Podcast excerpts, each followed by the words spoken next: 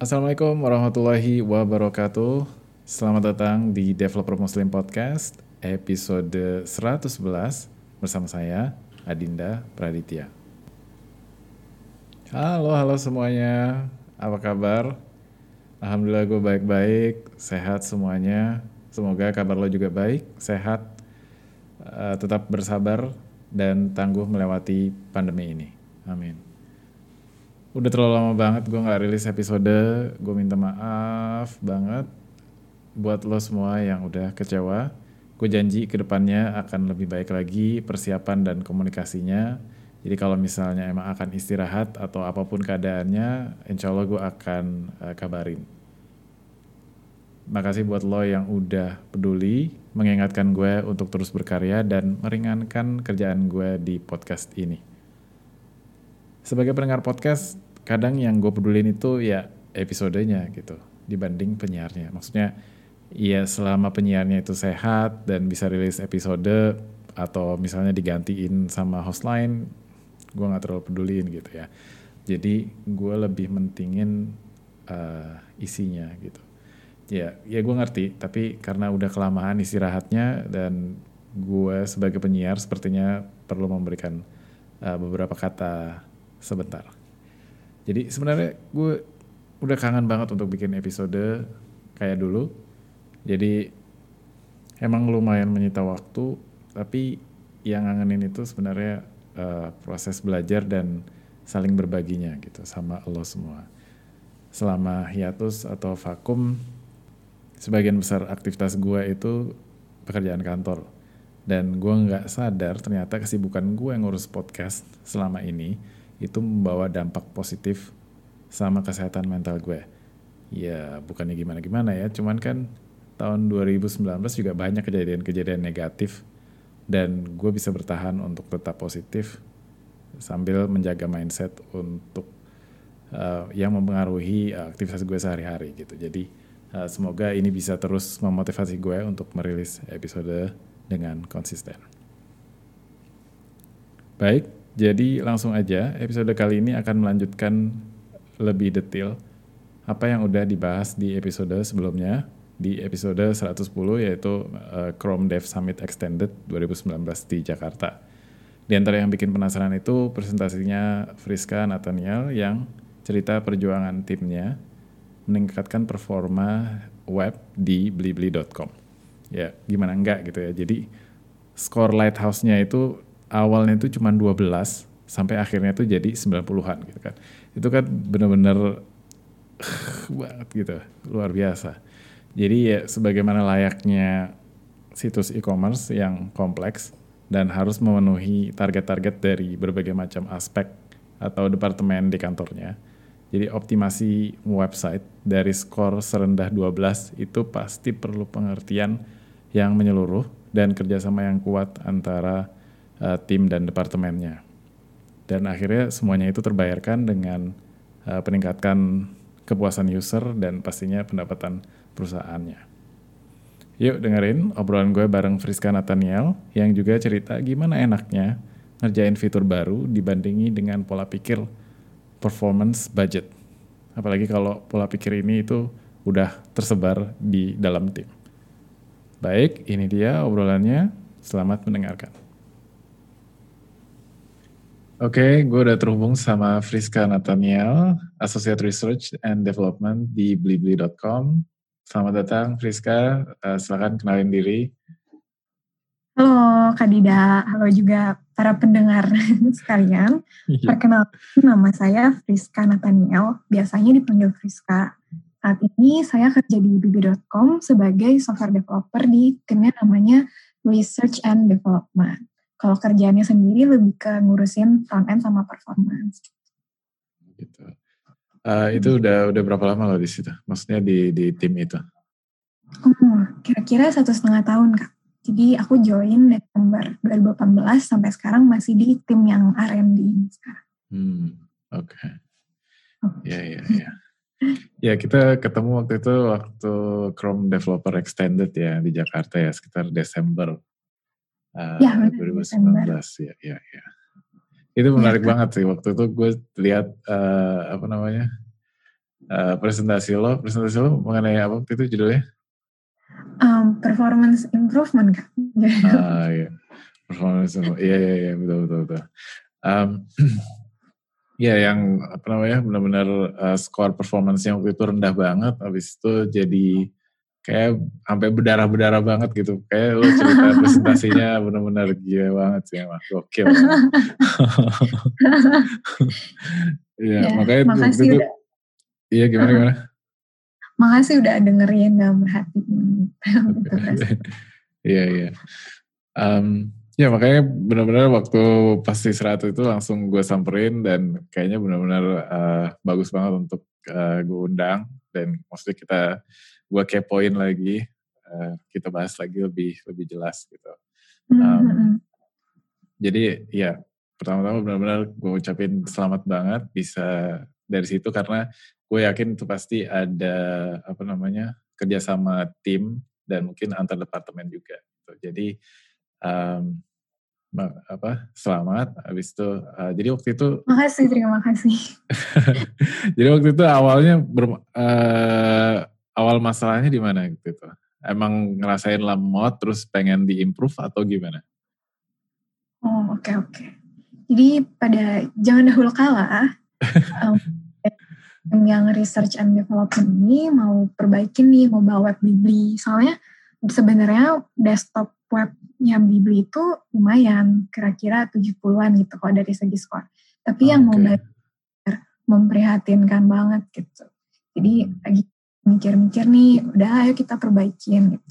Karena sebenarnya kan performance-nya bukan cuman masalah angkanya berapa, tapi angkanya kan punya konteks gitu ya kayak kayak hmm. angka ini berarti um, user dapat mengakses halaman belinya tuh kayak jelek banget gitu yang experience usernya gitu kan dulu awalnya waktu itu, itu uh, apa namanya uh, code base-nya sama gitu atau emang khusus atau gimana?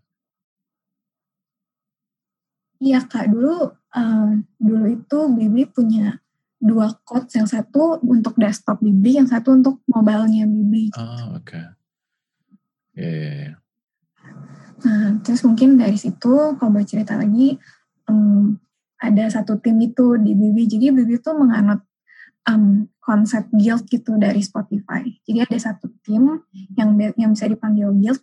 Mereka tuh kumpulan orang dari departemen atau dari divisi yang berbeda. Nah, misalnya ada orang produk, ada orang uh, developer, ada QA, ada UI UX, tapi mereka tuh tertarik untuk memperbaiki hal yang sama. Nah, kalau di kasus itu tuh ada sebuah guild namanya mobile web. Jadi tertarik gimana membuat pengalaman belanja orang yang ke bibi.com di mobile web tuh lebih menyenangkan gitu. Terus ini timnya apa uh, apa ejaannya gimana sih? Gue gak kurang familiar. Uh, G U I L D. Oh guild. Iya ya. Itu jadi buat dipanggil-panggil untuk kayak uh, membantu umum gitu apa gimana? Oh, um, sebenarnya orang setiap orang tuh kayak punya kerjaannya masing-masing. Mungkin ada yang ngurusin uh, bisnis apa, ada yang ngurusin halaman apa gitu. Iya, iya. Cuman ini sebagai sampingannya ada ketertarikan gitu untuk memperbaiki mobile web. Jadi kayak di luar pekerjaan utamanya gitu kak sebenarnya. Oh, Oke, okay. ya, ya, menarik, menarik. Ya, ya, terus, terus, terus. Nah, terus waktu itu ada um, diskusi, ada ngobrol-ngobrol. Um, jadi dari orang UX nih ada kebutuhan gimana kalau misalnya kita bikin tampilannya lebih bagus yuk.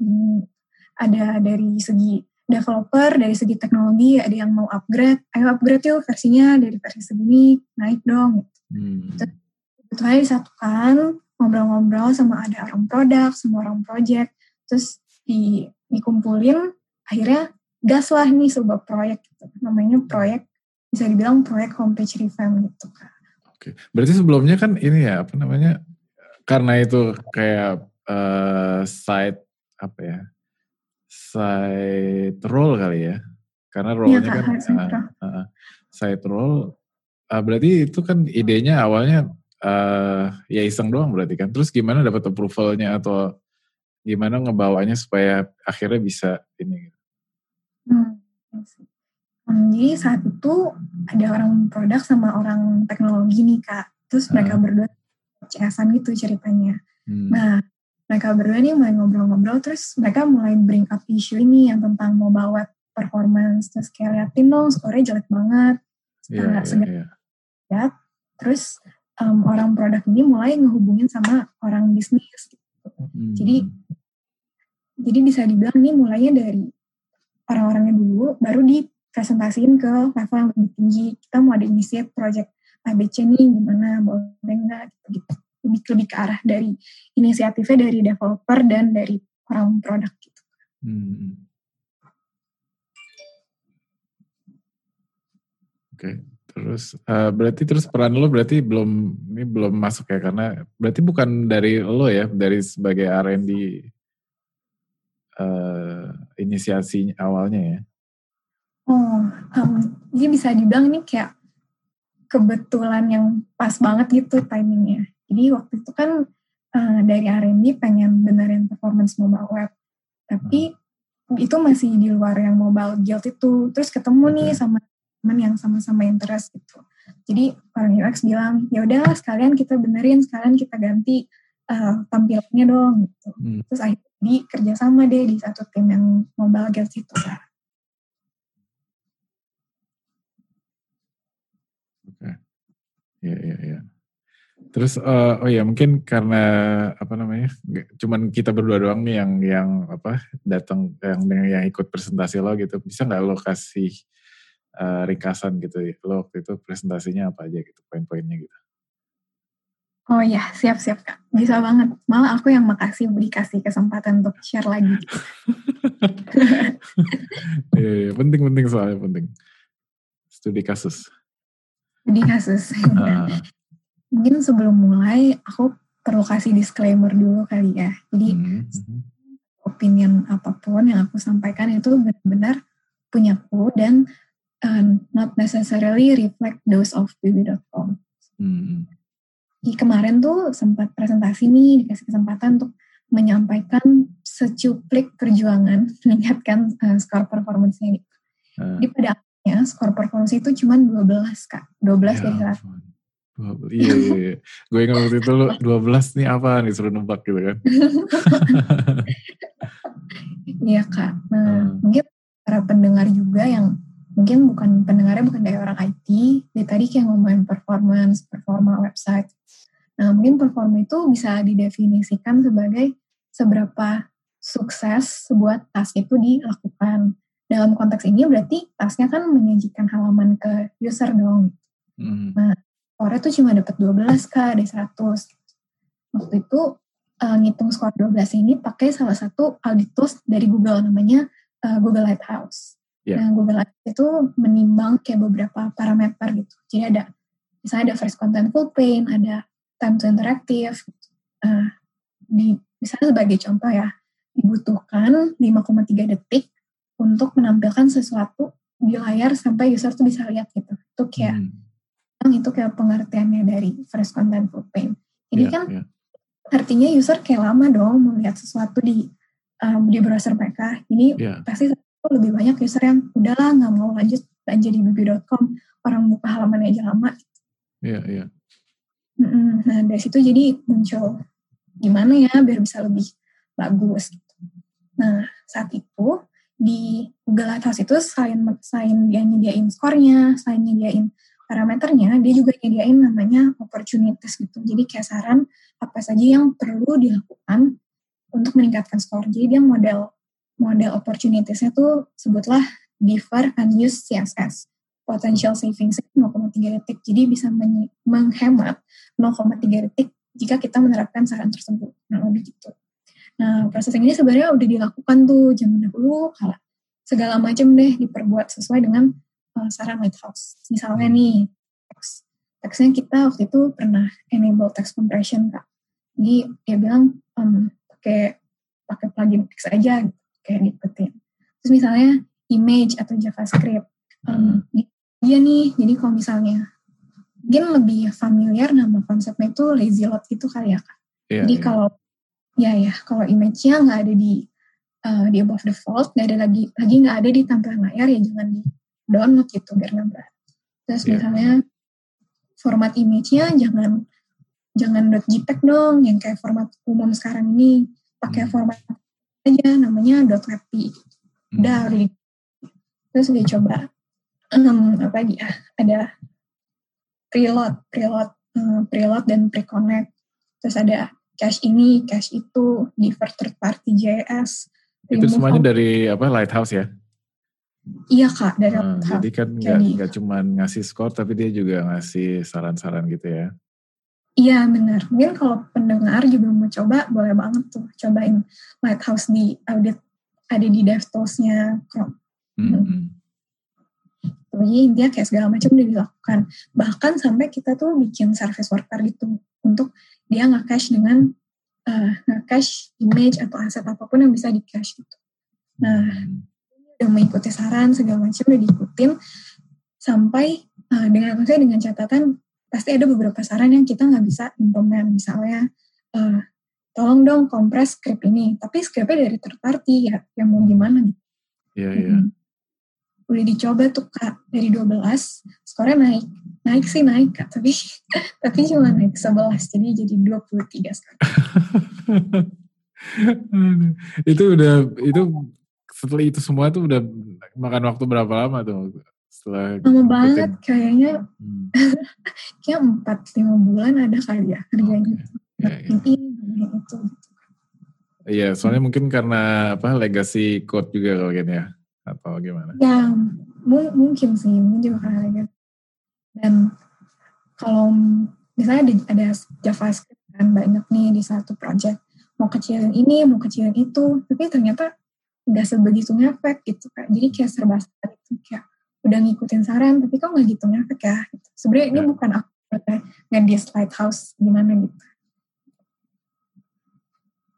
Oke, okay, terus?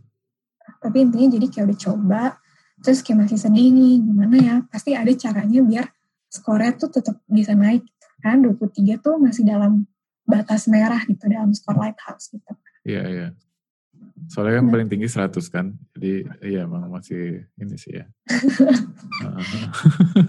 sebenarnya masih jauh banget gitu dari iya, iya.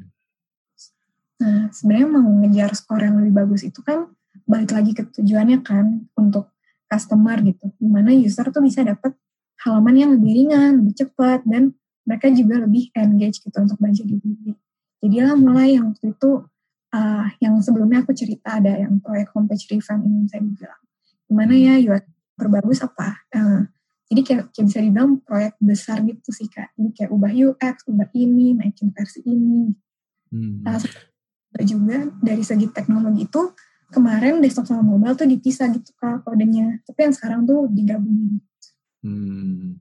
Terus itu kan kan lama gitu ya. Cuman uh, kenapa masih bisa terus gitu loh?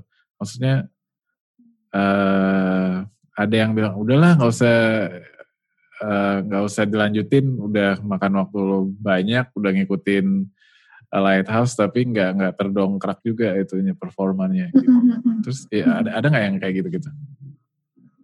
Um, mungkin suara orang yang nggak kedengeran ada kali ya mungkin buang-buang waktu nih benerin hmm. Ngapain aja kerjanya mas skornya cuma dikit gitu mungkin hmm. ada kan oke okay. um, ada tim yang uh, apa ya ada ada dor ada dorongan motivasi gitu karena sebagai enaknya mungkin salah satu enaknya kerja di e-commerce itu seba, selain sebagai developer kita juga sebagai pengguna gitu hmm. saat Bibi di mobile app di mobile web di HP sendiri ya sebenarnya kok nggak sesuai harapan ya gitu. Hmm. padahal nih terus kerjanya di front end tapi front end perusahaan sendiri malah nggak sesuai harapan gitu. Iya iya iya. Oke oke. Terus terus? Nah terus mungkin karena saat itu juga lagi ngobrol sama tim yang besar itu jadi kan outputnya lebih banyak tuh idenya lebih banyak juga. Hmm. riset-riset bandingin gimana ya pasti ada caranya nih untuk memberikan halaman yang lebih cepat gitu untuk user nah seiring berjalannya waktu mulai jalan kan proyek yang homepage revamp ini dari hmm. dari naikin versi lah ubah ini ubah itu nah seiring berjalannya waktu itu juga dalam dalam proyek yang besar ini tuh mulai mikirin performance gitu. Jadi karena dari awal mindsetnya itu udah sama untuk memperbaiki performance, malah urutan kerja itu malah jadi enak gitu kak. Hmm. Soalnya ini ngobrol sama orang UI UX gitu, terus uh, bilang eh, fitur ini bagus sih, tapi sebenarnya kayaknya berat gitu kalau diimplement. Um, maksudnya bisa jadi lagi atau secara kode juga berat gitu untuk disampaikan ke user. Nah orang UI UX karena mindsetnya udah bukan uh, yang penting desainnya bagus titik gitu tapi mikirin performanya juga jadi mereka hmm. lebih bisa diajak negosiasi gitu kak hmm ya ya apa kita cari alternatif aja yang lain Hmm. Berarti hmm. itu kayak apa? Uh, bikin dari awal gitu ya, revamp berarti bikin dari awal gitu? Iya kak. Hmm, Oke. Okay. Bikin dari awal. Tapi keputusannya ini banget ya, maksudnya akhirnya ada yang ini gak sih kayak uh, keputusannya itu didukung sama data-data gitu gak sih? Kan oh, karena iya. jadi jadi kayak besar gitu kan awalnya jadi iseng iya, pengen iya, iya. pindah ini terus jadi jadi sesuatu yang kayaknya di uh, kayak bikin kayak secret weaponnya gitu loh ya kan? Iya gak sih? Iya iya iya benar kan. seru seru seru. Jadi salah salah satu hal yang di bring up oleh orang produk waktu itu adalah dari usernya sendiri. Jadi waktu itu kita research nih uh, apa ya namanya kayak median use median device yang dipakai oleh user tuh apa gitu. Kayak oh, iya, iya, iya. apa misalnya sebutlah HP merek X gitu dengan yeah. speknya kayak gini dan yeah. mereka akses lebih itu di jaringan apa gitu. Hmm. Kalau misalnya akses apa pun dengan jaringan yang lebih lemot itu misalnya yang satu di 3G, yang satu di 4G. Pasti kan lebih lama dong terimanya di 3G. Nah, sedangkan kita aja yang buka, maksudnya sedangkan kami aja yang buka BB pakai 4G di HP yang lumayan gitu, ternyata lama loh waktu itu rasanya. Gimana para user gitu. Iya, iya. Itu salah satu hal yang penting. Terus um, sebagai data tambahan waktu itu total dari visitor 88 persennya itu datangnya ke web dulu, baru masuk ke apps. Hmm, yeah. 88 persen ini 70 persen ya masuk ke mobile web. Ini kayak kalian dong maksudnya kayak gede banget itu sebenarnya user yang dicakup oleh mobile web. Tapi malah kita ngasih experience yang jelek gitu. Iya, benar-benar. Ini kayak yeah. titik poin gitu kayak meskipun mungkin saya kayak kemarin sias nggak ya well let's say nggak sia-sia mungkin kayak efeknya nggak gitu besar tapi kalau misalnya kita nyerah terus kayak gimana sama usernya iya iya iya terus yang yang riset itu orang produknya ya berarti ya karena okay, okay. Hmm, orang produk itu ada ditemenin sama orang UI UX juga hmm. karena ini kan durasinya gede gitu waktu itu uh, umur beli-beli udah berapa tuh waktu itu um, berarti umur 8 kali ya baru umur 8 deh. Hmm, iya, iya, iya. Tahun 2019 itu umur 8 bibir. Hmm, hmm. Ke 8. Terus terus? Nah, terus um, kalau dari dari ngerjain homepage revamp itu meskipun udah mikirin kayak desain terus mikirin apa namanya kayak uh, kong kali kong gitu. Kayak ngobrol-ngobrol juga sama orang marketing kayak kayaknya kita nggak bisa nampilin fitur ini lagi deh. Kayak kita nggak bisa nampilin produk ini lagi deh. Terus pasti mereka kayak ah kenapa? gitu nah, waktu hmm. itu hmm, waktu itu salah satu prinsip yang dipegang oleh desain ini adalah maunya tuh UX dan UI dan UX itu lebih ke arah clean gitu jadi kalau dari kayak quote unquote dari orang produk yang bantuin manage project ini um, menurut dia tuh halaman utamanya dulu kayak banyak banyak promosi tapi tuh bingung gitu kayak mau lihatnya kayak gimana jadi hmm. kayak usernya tuh kalau saya menempatkan diri sebagai user saya malah bingung gitu dari ngeliat UI UX sendiri dari dulu pada saat yang dulu hmm. jadi um, mulai nego nih sama orang marketing boleh nggak kalau yang ini kayak dikurangin atau yang ini ditampil itulah intinya negosiasi ini itu terwujud lah nih um, kayak desain homepage yang baru Nah, meskipun udah di desain homepage yang baru ini, um, skornya tuh tetap nggak nggak sebagus harapan gitu kak sayangnya. Hmm. Iya gitu. Waktu itu berapa ingat nggak berapa? Mungkin kayak 30-an gitu ada sih kak, oh, tapi tetap okay. Tetap jelek gitu hitungannya mah. Hmm. Tapi waktu itu waktu apa bikin from scratch gitu nggak pakai apa namanya kayak starternya siapa gitu apa framework apa gitu starternya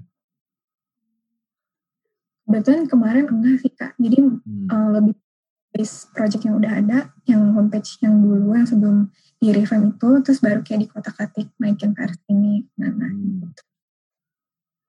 Ya ya ya. Gitu kak. Nah, terus karena tetap tidak sesuai harapan, jadi kayak mikir-mikir nih kayak riset-riset lagi orang-orang teknik juga riset-riset gimana ya jadi mulai baca-baca uh, case study yang lain untuk meningkatkan performance di tempat lain. Itu ada ngobrol. Waktu itu, sorry, ngobrol. Waktu itu ada buka artikelnya Netflix yang web performance case study, terus belajar oh, gitu. Iya. Gimana iya, iya. Gitu. Itu nah, dia bahas apa tuh Netflix? Jadi uh, Netflix tuh nampilin halaman utamanya. Kalau kakak kunjungin Netflix tuh cepet banget gitu. Hmm. Karena mereka kayak pure JS gitu. Jadi mereka kayak nggak pakai framework itu untuk halaman pertamanya makanya tuh rasanya kayak cepat banget gitu nanti kalau udah user udah datang lagi baru mereka kayak serve halaman yang lebih berat gitu hmm, okay.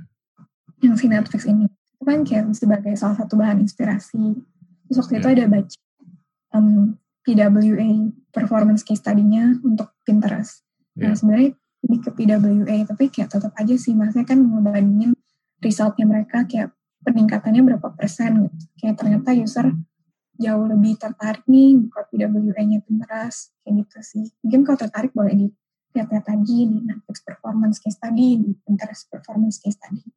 Yeah, yeah. Nah, waktu sebagai waktu itu juga ada baca artikelnya dari Tokopedia. Waktu itu mereka ada publish artikel tentang menaik, menaikkan performance uh, web mereka gitu. Jadi, hmm. jadi kami belajar-belajar gitu dari meskipun kayak kompetitor tapi kayak tetap aja kalau suatu idenya bagus kayak yeah, kami yeah. mau tidak menerapkan itu kayak di di mana? Di mediumnya atau di mana? Di mediumnya oh di medium iya iya. Iya. Kak.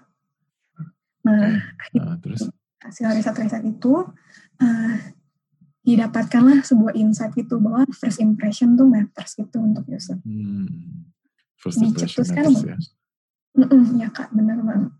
Jadi dicetuskanlah ide untuk membuat Blibli Light version. Hmm, Okay. Nah, Light ini tapi bukan kayak PWA-nya yang kayak tadi kayak PWA-nya Pinterest, uh. bukan juga aplikasi di Play Store tapi kayak super ringan gitu. Nah ini tuh benar-benar homepage yang disajiin pakai pure HTML uh, dan pure JavaScript. Gitu. Hmm. Tujuannya itu untuk memberikan user kesan bahwa sebenarnya kalau kesan tuh seakan-akan kayak lama gitu ya maksudnya untuk memberikan halaman yang benar-benar cepet banget untuk user. Nah sebenarnya user di sini tuh yang dimaksud adalah new user gitu. Jadi orang yang pertama kali datang ke bb.com mereka akan disajikan halaman yang super light ini kak gitu. Sambil mereka ngunjungin halaman light, si uh, bb bakal refresh, bakal kayak uh, nge-download konten yang akan disajikan di full versionnya gitu. Jadi sebutnya ada dua versi. Ada yang satu versi light, yang satu lagi yang versi full.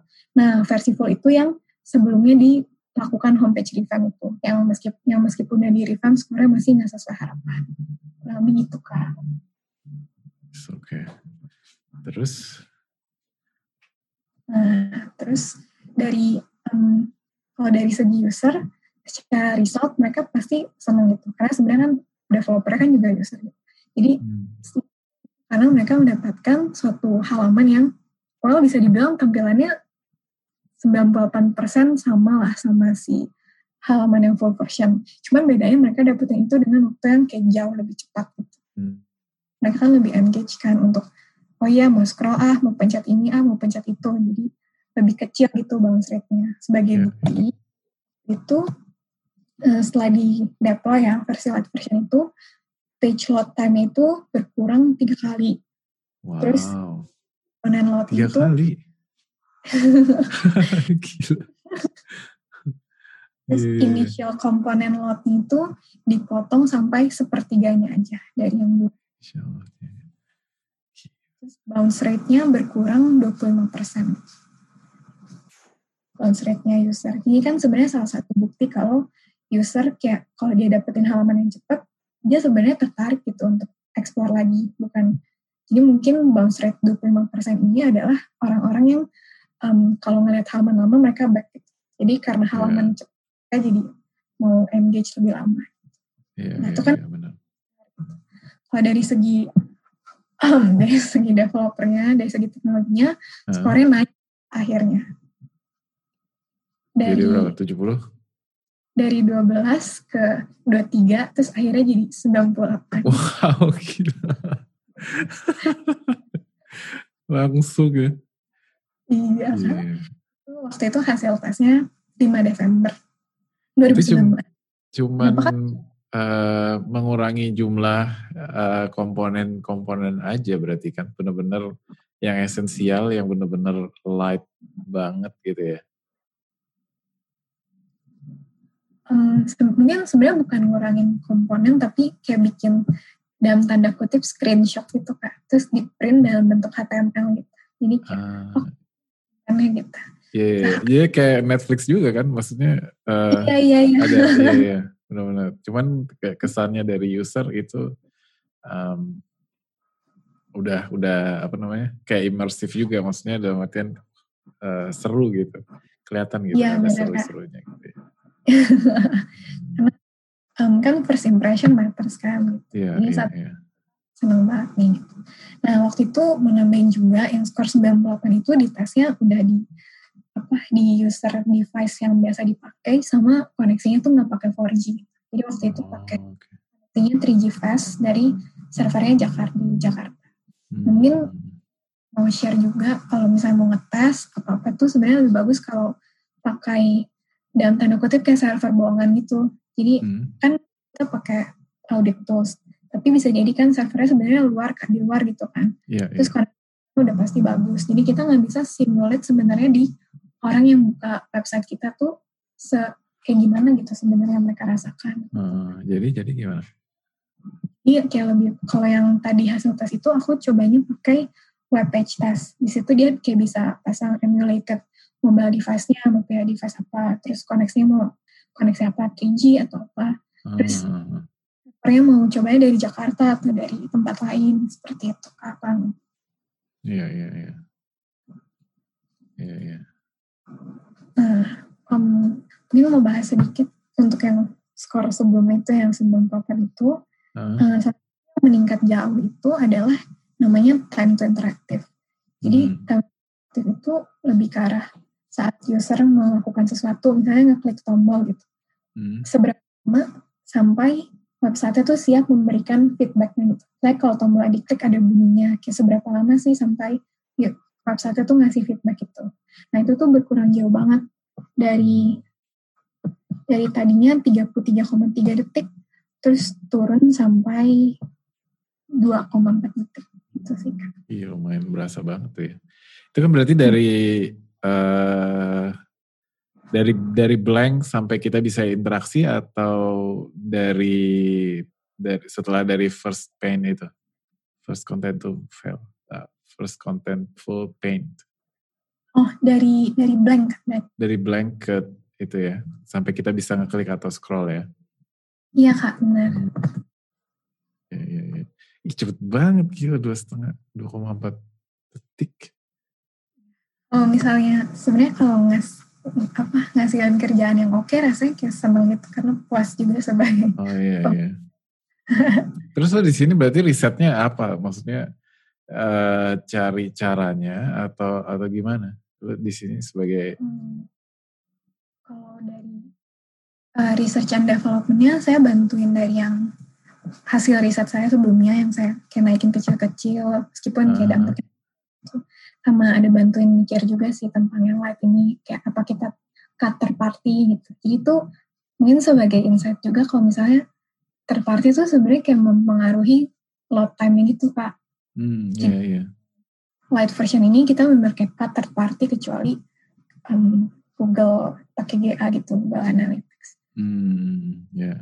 lihat mm, jadi sebagai buktinya tuh um, di, di Daftus itu kalau ngeran audit bisa di block itu ke request ke third party-nya. Terus nanti bisa dilihat deh perubahan skornya. Kalau ternyata nggak hmm. third party A, oh ternyata skornya naik atau naiknya signifikan atau enggak gitu kurang. Iya iya iya. Iya iya. Terus waktu itu uh, apa namanya?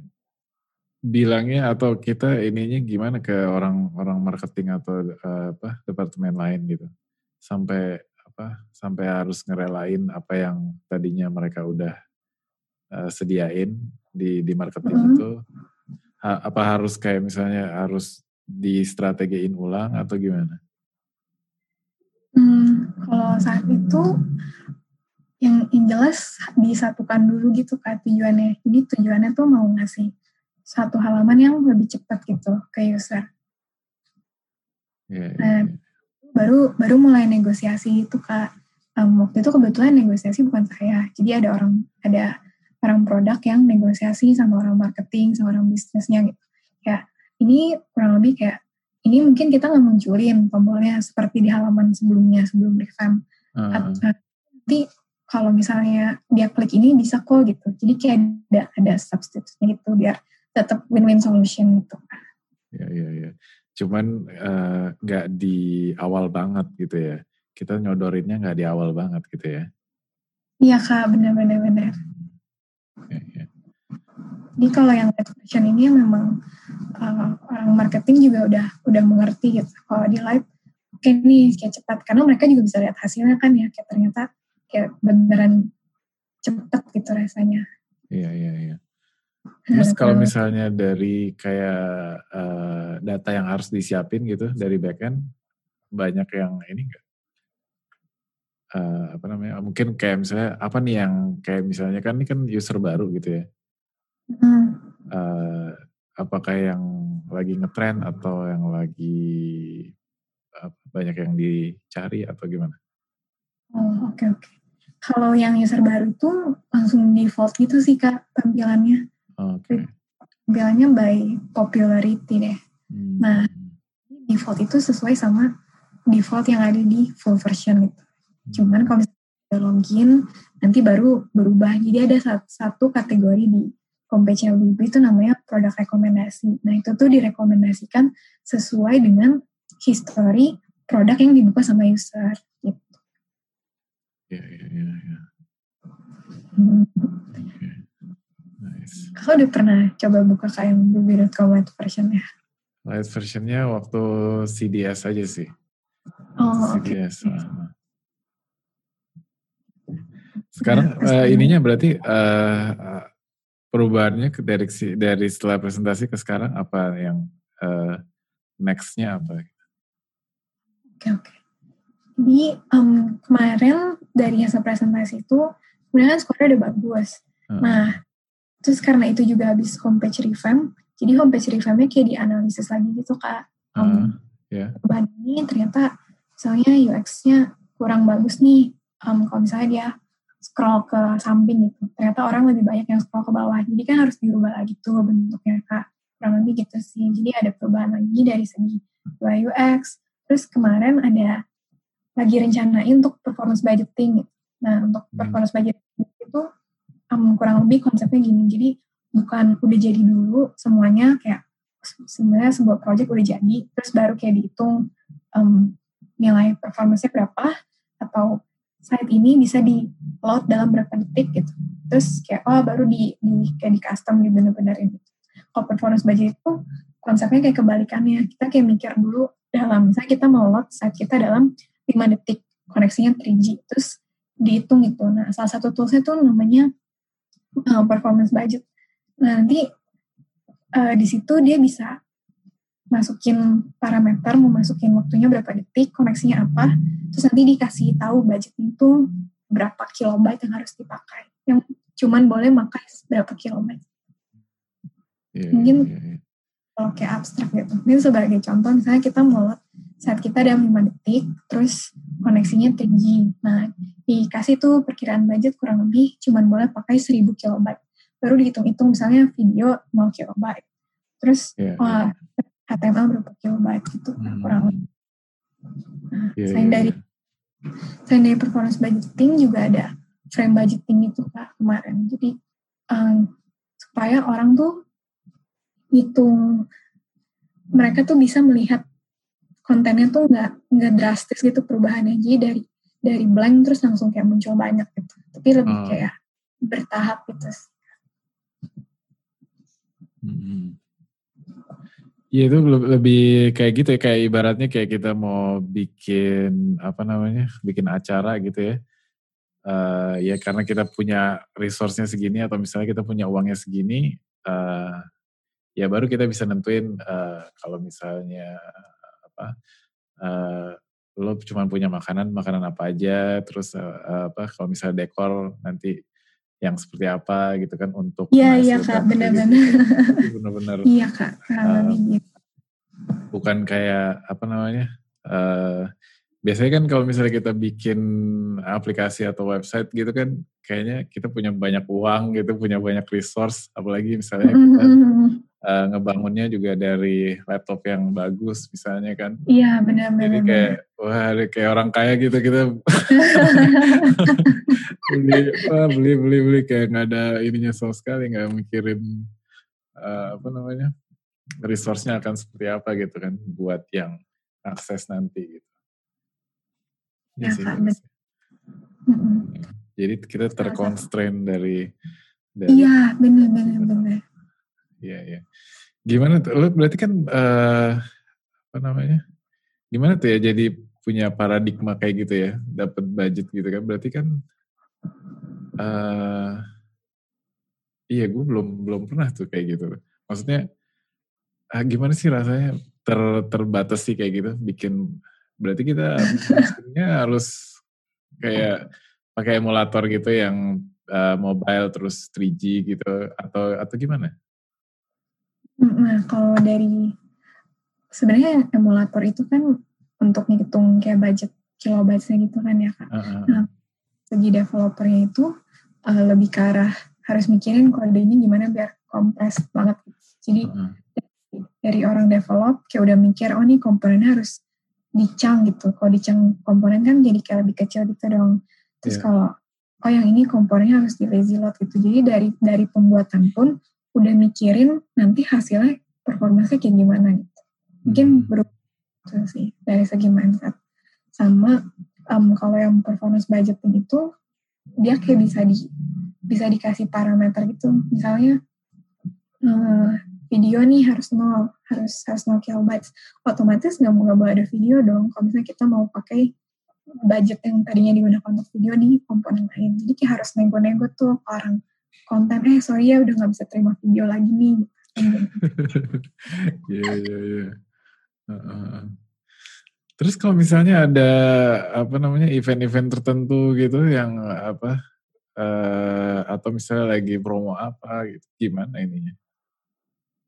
Hmm, apa kayak workflow-nya gitu ya dari awal kita mau ngadain ini nih uh, terus habis itu uh, dari awal ide itu sampai ke deployment gimana dengan constraint budget itu? Nah, mungkin um, so, yang constraint budget ini baru di homepage itu sih kak sebenarnya. Oke hmm, oke. Okay, okay. Promosi itu mereka kayak belum ada constraint budgeting. Oke. Okay. Hmm, tapi kayak yang di light gitu masih masih ada. Cuman mungkin nggak nggak terbatas, usah nggak kayak harus harus nampilin video gitu-gitu kali ya. Iya, benar. Jadi iya. kita maunya yang nggak butuh kita cut pokoknya. Gitu. Hmm. Kita nggak download phone atau kita kayak diakal-akalin sedemikian rupa biar kecil gitu kak, kecil hmm. bytes. Sama hmm. mungkin kayak plus minusnya dari light version itu. Jadi um, baru-baru ini kan ada misalnya perubahan nih di full versionnya gitu kak. Nah versionnya harus di maintain itu biar tampilannya tetap menyerupai yang full versionnya gitu. Jadi kayak bisa dibilang maintain dua versi gitu. Mungkin kekurangan bisa. Hmm. Tapi mungkin karena ininya benar-benar light, uh, apa namanya, nggak terlalu banyak cuman ini aja kan apa namanya cuman ribet tapi bukan kompleks gitu ya maksudnya jadi banyak yang harus dikerjakan tapi nggak ya. susah ya. gitu ya ya benar-benar betul ya. ya ya ya ya keren keren keren ya, terima kasih untuk satu tim yang sudah berjuang juga. Kenapa? Kenapa? Terima kasih untuk satu tim yang udah berjuang juga. Ah, iya. Kalau boleh share itu um, dari ngerjain homepage revamp itu ternyata yang kena bukan cuman let's say project yang di homepage itu. Kayak bukan repository homepage aja. Karena home nyimpan header sama footer nih. Jadi otomatis halaman lain yang pakai header dan footer jadi kayak kena imbasnya gitu. Jadi akhirnya Oh, iya. uh, jadi akhirnya kayak melibatkan banyak orang itu untuk si proyek revamp ini. Hmm. Iya, iya. Cuman kan akhirnya setelah sukses besar kayak gitu, uh, bisa di-share nggak mungkin kayak dampaknya uh, apa ya dari dari engagement orang atau misalnya uh, churn-nya, churn rate-nya gitu? Uh, mungkin yang bisa aku share yang bounce rate usernya berkurang. Oh, iya. Nah, Awalnya tadi jadi berapa, tadi berapa persen? 80 persen ya berapa? Iya angkanya ini nggak boleh dikasih tahu. Oke. Jangan bahaya. Sorry ya. Santai santai. Iya iya iya. iya. Iya iya. iya. Berarti kan benar-benar apa namanya? Ya akhirnya ter, terbayarkan gitu kan uh, pencapaiannya benar-benar. gitu. Ya, Iya, iya.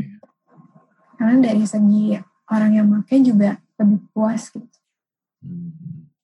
Iya. Dan mungkin salah satu yang benar-benar bikin puas itu adalah si light version ini tuh sesuai sama kebutuhan user gitu. Karena kalau lihat um, rata-rata device yang dipakai buat Nexus itu mungkin bukan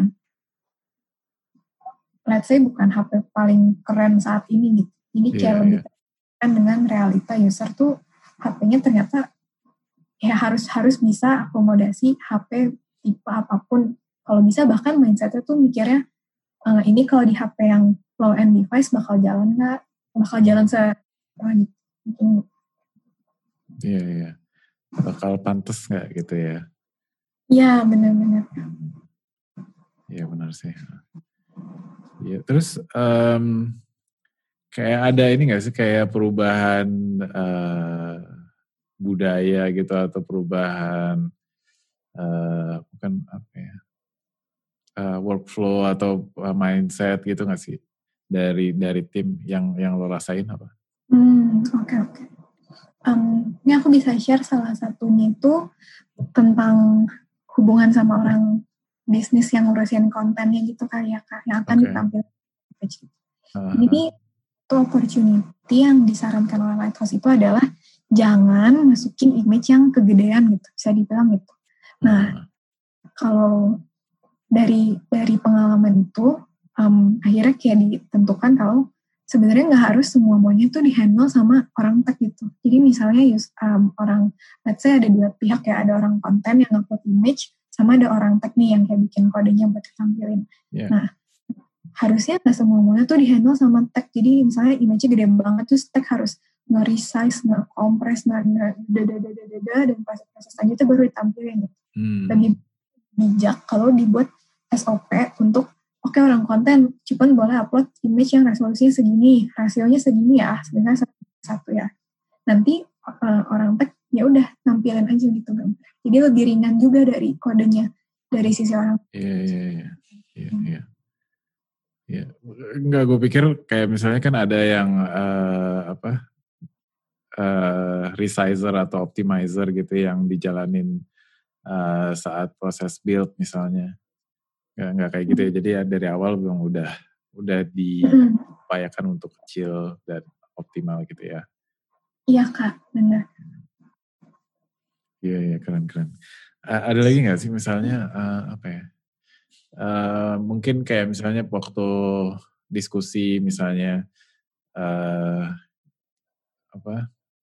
Jadi lebih lebih gampang gitu mungkin untuk eh, apa ya? Maksudnya kayak kita kita tahu gitu mana yang harus kita ikuti maksudnya dalam dalam kita berargumen ketika mungkin eh apa gimana kita menilai sesuatu itu yang bagus itu seperti apa gitu dan karena udah disamakan uh, persepsinya jadi lebih gampang gak sih? Kayak misalnya jadi ketika oh ini karena performance budget lo harus melakukan ini ini ini. Jadi kita lebih gampang berargumen atau jadi jadi kayak gitu gak sih uh, Iya iya. Ada ada ada ada yang kayak gitu juga kak. Karena dari awal sepakatin ini, ini mungkin kalau dari secara flow-nya karena sebelumnya udah pernah uh, ngikutin yang sam ngubah bikin light version terus bikin homepage revamp sampai skornya naik ini -huh. jadi selanjutnya tuh lebih kayak oh iya ya kalau skornya ternyata bagus ternyata pengalaman buka bibir lebih enak gitu. Terus kan jadi mulai sepakat tuh performance budget. Kayak misalnya hmm gini JavaScript segini sebutnya segitu ya. Terus di saat orang development jadi mulai mikir gitu nih kalau bikin komponen misalnya desainnya seperti ini lebih baik dikerjakan pakai CSS kali ya karena lebih masih cukup nih budgetnya gitu. Sedangkan kalau misalnya di, di coding pakai JavaScript malah jadi berat jadi nambah-nambahin budget itu kurang lebih gitu sih hmm. jadi ada, kalau dari ya, ya gimana kalau ada sebagai tambahan misalnya uh, ada komponen yang misalnya ini uh, satu contohnya yang di light sama di full version kemarin ya. Jadi image-nya itu kalau di full version dia pakai carousel gitu. Nah, carousel itu pakai komponen JavaScript. Hmm. Sementara di light version itu kayak dinego sedemikian rupa gimana kalau kita nampilinnya bukan carousel tapi cuman image yang bentuknya kayak satu seperempat gitu. Jadi kayak buat ngasihin di sebelahnya masih ada image gitu. Jadi kayak di gitu. Nah, dari UX iya, kan iya, iya. rasa oke okay nih. Terus dari segi performanya juga kayak oke okay, ini jauh lebih bagus gitu lebih ringan iya, pakai iya, iya, iya. benar benar benar iya ya, keren banget ya jadinya ya. hmm. ada ada lagi nggak yang yang kayak gitu gitu yang apa namanya perubahan perubahan kayak gitu yang yang lo rasain wah benar-benar apa atau yang nggak lo sangka gitu misalnya uh. mungkin um, salah satu salah satu yang perubahan dirasa itu tim jadi homepage ini tuh karena homepage itu uh, bisa dibilang kayak halaman utama yang halaman utama ya yeah. jadi halaman lain jadi tim yang ada di halaman-halaman lain juga jadi tertarik gitu sama performance gitu kak hmm, okay. jadi mungkin karena modelnya di Blibli bukan di enforce itu jadi misalnya sebutlah ada tim namanya research and development gitu. Terus mereka hmm. bisa memaksa orang lain pokoknya harus ikutin cara ini soalnya ini udah paling bagus gitu. Nah kalau di Wibi tuh nggak kayak gitu. Jadi lebih kayak kita nunjukin kalau misalnya kemarin ada ada bersama orang-orang lain ngubah homepage ternyata bagus loh gitu. Terus nanti tim lain jadi tertarik gitu kayak oh iya ya mau dong meeting bahas gimana biar halaman ini hotel lebih cepat jadi hmm. karena mereka teman mereka dan mereka udah melihat di di homepage gitu. Iya iya iya. iya. Terus ada kayak ini gak sih kayak apa namanya? Uh, apa ya? Code kayak code review gitu atau testing tapi uh, yang diukur ininya budgetnya misalnya. Ada nggak? Jadi misalnya uh, kalau testing kan berarti kan ininya ya apa logiknya ya. Cuman kalau ini hmm. misalnya uh, oh ini kode lo ternyata masih di luar budget kita gitu. Ada nggak yang kayak gitu? Kalau sekarang sih sejujurnya belum ada kak. Hmm. Soon itu mau integrate Score Lighthouse sama um, kayak keberhasilan apa ya namanya build build dari kodenya gitu. Masuk oh. Jadi, kayak misalnya kalau buildnya lighthouse-nya kurang dari 90 kita nggak deploy. Iya, betul. Betul sekali Kak. Wow. Seperti itu. nice. Gila keren banget jalan hmm. tapi nurunin skor ya sorry banget gitu. ya, ya, ya. Kalau misalnya uh, apa skornya itu satu di bawah threshold gitu bisa gak? Ada ini nggak misalnya 90 ternyata dia apa kodenya cuman bisa 89 gitu masih di belum dibuat sih kak margin margin. Oke oke iya iya. iya. Iya, iya, iya. Salah, salah satu insight yang didapat juga dari um, bantuin performance itu, kalau itu tuh kayak continuous journey gitu, kayak nggak bisa dulu 98 terus udah selesai kayak tutup buku gitu. Nah, kayak iya, iya, benar tuh. Harus di maintain, dicek lagi, sesuaikan lagi. Iya iya. Ya makanya kan waktu build itu kita jaga-jaga gitu kan. Jadi setelah Iya, di build berapa skornya gitu kan. Jadi uh, make sure kalau kita yang kita ship itu uh, apa nilainya bagus gitu, berkualitas masih tetap terjaga gitu ininya. Ya benar benar. Karena balik lagi kan kayak pengunjung pengunjungnya nanti akan seberapa senang gitu. Mungkin salah satu core value yang dibeli itu namanya customer focus. Jadi sebisa mungkin customer itu jadi yang nomor satu. Gimana menempatkan diri sebagai customer kalau buka beli terus ternyata lama atau ternyata loadingnya kebanyakan komponennya gitu. Jadi menempatkan diri sebagai customer gitu. Custom membuat custom membuat sudut pandang customer tuh yang nomor satu gitu dalam development. Kayak even Iya. desain bagus loh, tapi ya tapi balik lagi ke customernya gitu. Iya benar, benar benar. Iya, iya, keren keren keren. Ada lagi nggak yang belum dibahas atau yang lo mau share lagi gitu? Mau share lagi mungkin buat studi kasus gitu kali ya bisa Oke. buka di Netflix sama dia ada mention Pinterest sama Tokopedia bisa juga kalau iseng-iseng buka JavaScript tentang cost, the cost of JavaScript gitu. Jadi waktu itu ada Osmani ada pernah bikin talk sama ada bikin artikel juga tentang the cost of JavaScript. Kayak Hmm. bener-bener baru apa ya, eye opening gitu sih. Kayak wah ternyata berat ya kalau ini JavaScript. Ternyata kalau misalnya kita replace bisa memberikan sesuatu yang lebih ringan gitu. hmm, apa tuh misalnya yang eh, bisa kasih contoh nggak? Insight-nya apa gitu? Hmm. Misalnya mungkin ke contoh yang tadi aja kali kayak yang carousel sama slide ke kanan ke kiri. Oh iya iya iya. Itu lebih ringan kalau pakai ke kanan ke kiri di replace gitu kodenya. Iya iya iya. Oke. Em, ya. Terus eh, sekarang lagi ngulik-ngulik apa? Lagi apa? Entah open source atau baca buku atau eh, hobi baru mungkin? Kalau sekarang eh, dari tim itu lagi ngecekin ini kak um, API-nya Google beberapa yang oh, masih origin trials, beberapa lagi yang udah nggak origin trials yang cocok gitu untuk mendukung ah iya iya iya. mobile web gitu. Karena pengen sih mobile webnya tuh tetap bagus gitu. Um, yang baru implement itu namanya Smart Lock API. Jadi kalau orang udah login, terus dia kayak bisa di save gitu sih kak. Terus dia bisa Smart apa? Smart, smart lock password. Oh oke. Mm-mm. Jadi kalau udah login gimana? Kalau udah login, terus misalnya dia logout nih, nanti dia Hmm. kayak gitu. Dia sebenarnya lebih kayak fitur remember gitu sih. Hmm. tapi enaknya user jadi kalau mau login cuma um, gampang gitu kayak tinggal pencet kontak login kurang lebih Terus enaknya juga dia connected dari uh, misalnya aku buka email aku di Android sama di laptop dia kayak kayak bisa connected gitu Itu masih origin trials ya. Berarti berapa step lagi tuh? Lo ingat gak? yang smart lock uh, seingat saya udah nggak origin trial sih Kak, yang Oh, smart oke. udah Canary berarti ya? Atau um, tapi saya lupa Chrome versi berapa hmm, oke. Ya ya ya.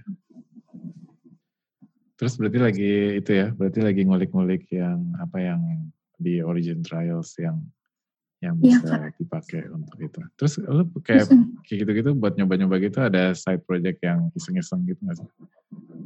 Buat apa namanya?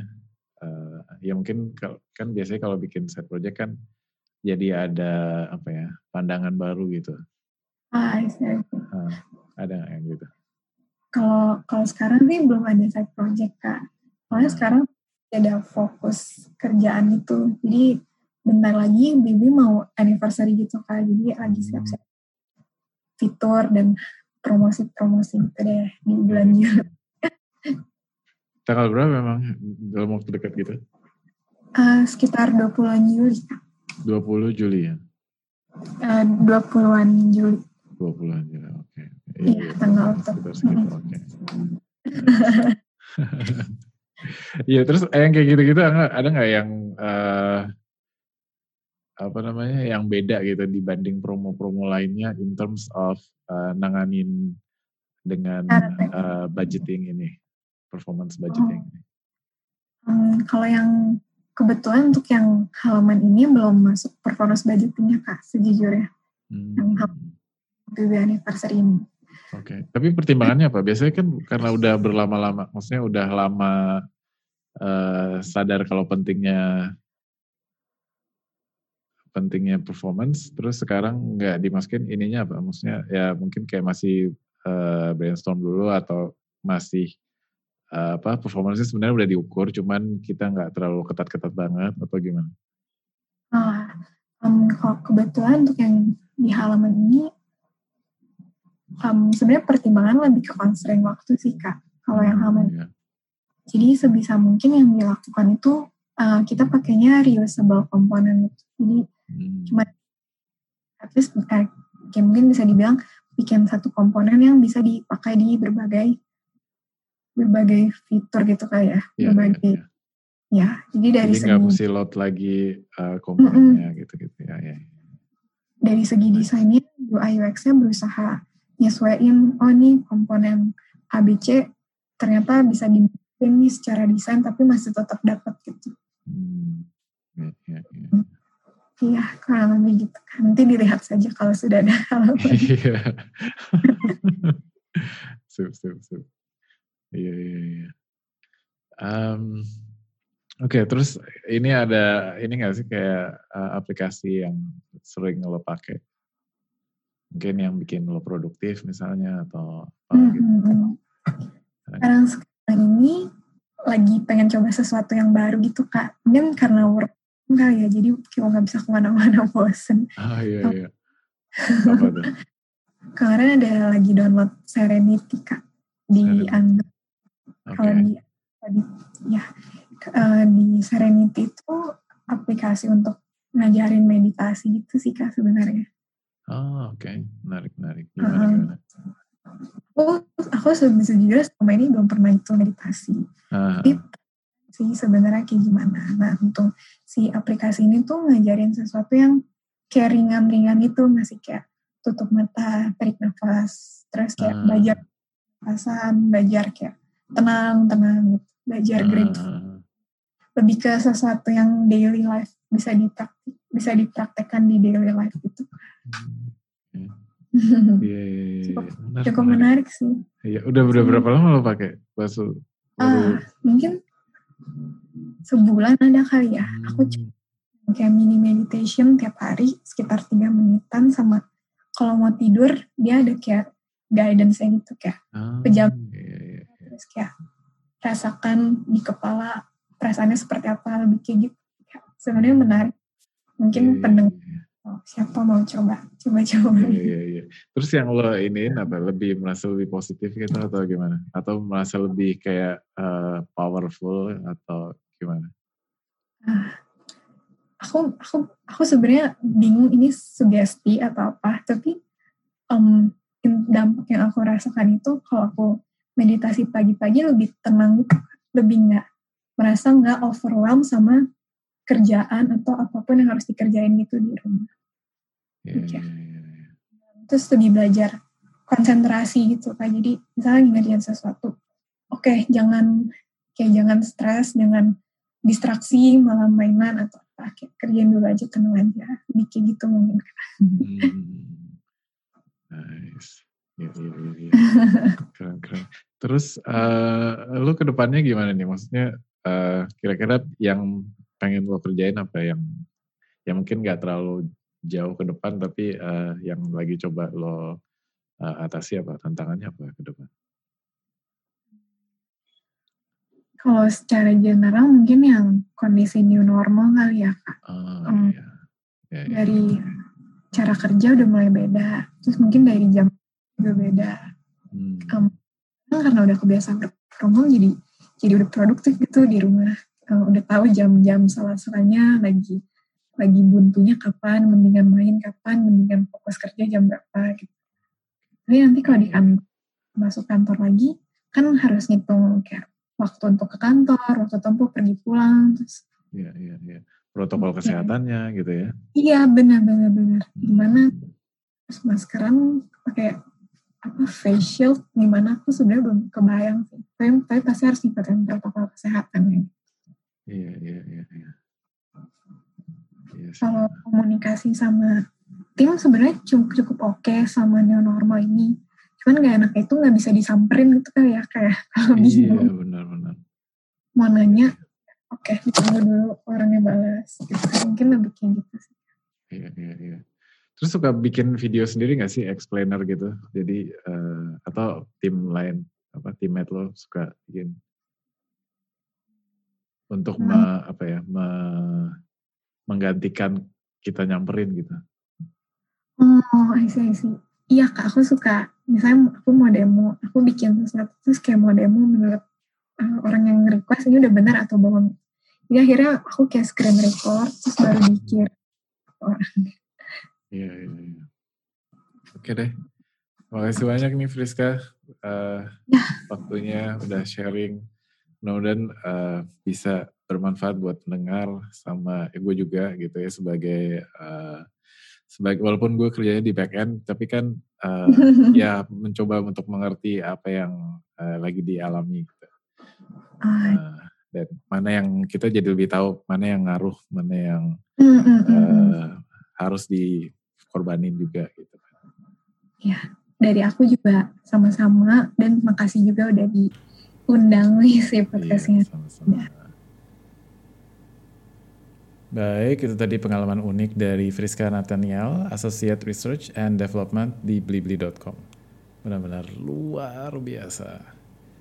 Link-link yang kita bahas di episode ini bisa dilihat di devmuslim.id slash episode 111. Ya, silakan kunjungi kalau ingin menelusuri lebih lanjut.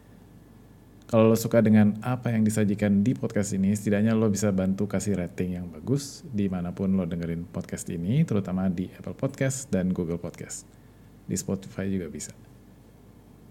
Lo bisa ke anchor.fm slash devmuslimid untuk mendukung operasional podcast dengan memberikan donasi bulanan mulai dari satu dolar. Apa pun itu akan sangat berarti buat podcast ini dan para pendengar sekalian di tanah air kita tercinta. Wadah. Buktikan kepedulian dan dukungan lo untuk podcast ini. Terima kasih secara khusus gue sampaikan buat Mas Wibawa selaku editor. Pertanyaan, kritikan, saran, atau mau nawarin bantuan lainnya bisa kirim email ke devmuslimid@gmail.com atau DM gue langsung di Twitter atau di Instagram dengan akun yang sama at devmuslimid. Baik, gue pamit dulu. Sampai di episode Developer Muslim Podcast berikutnya, insya Allah. Wassalamualaikum warahmatullahi wabarakatuh.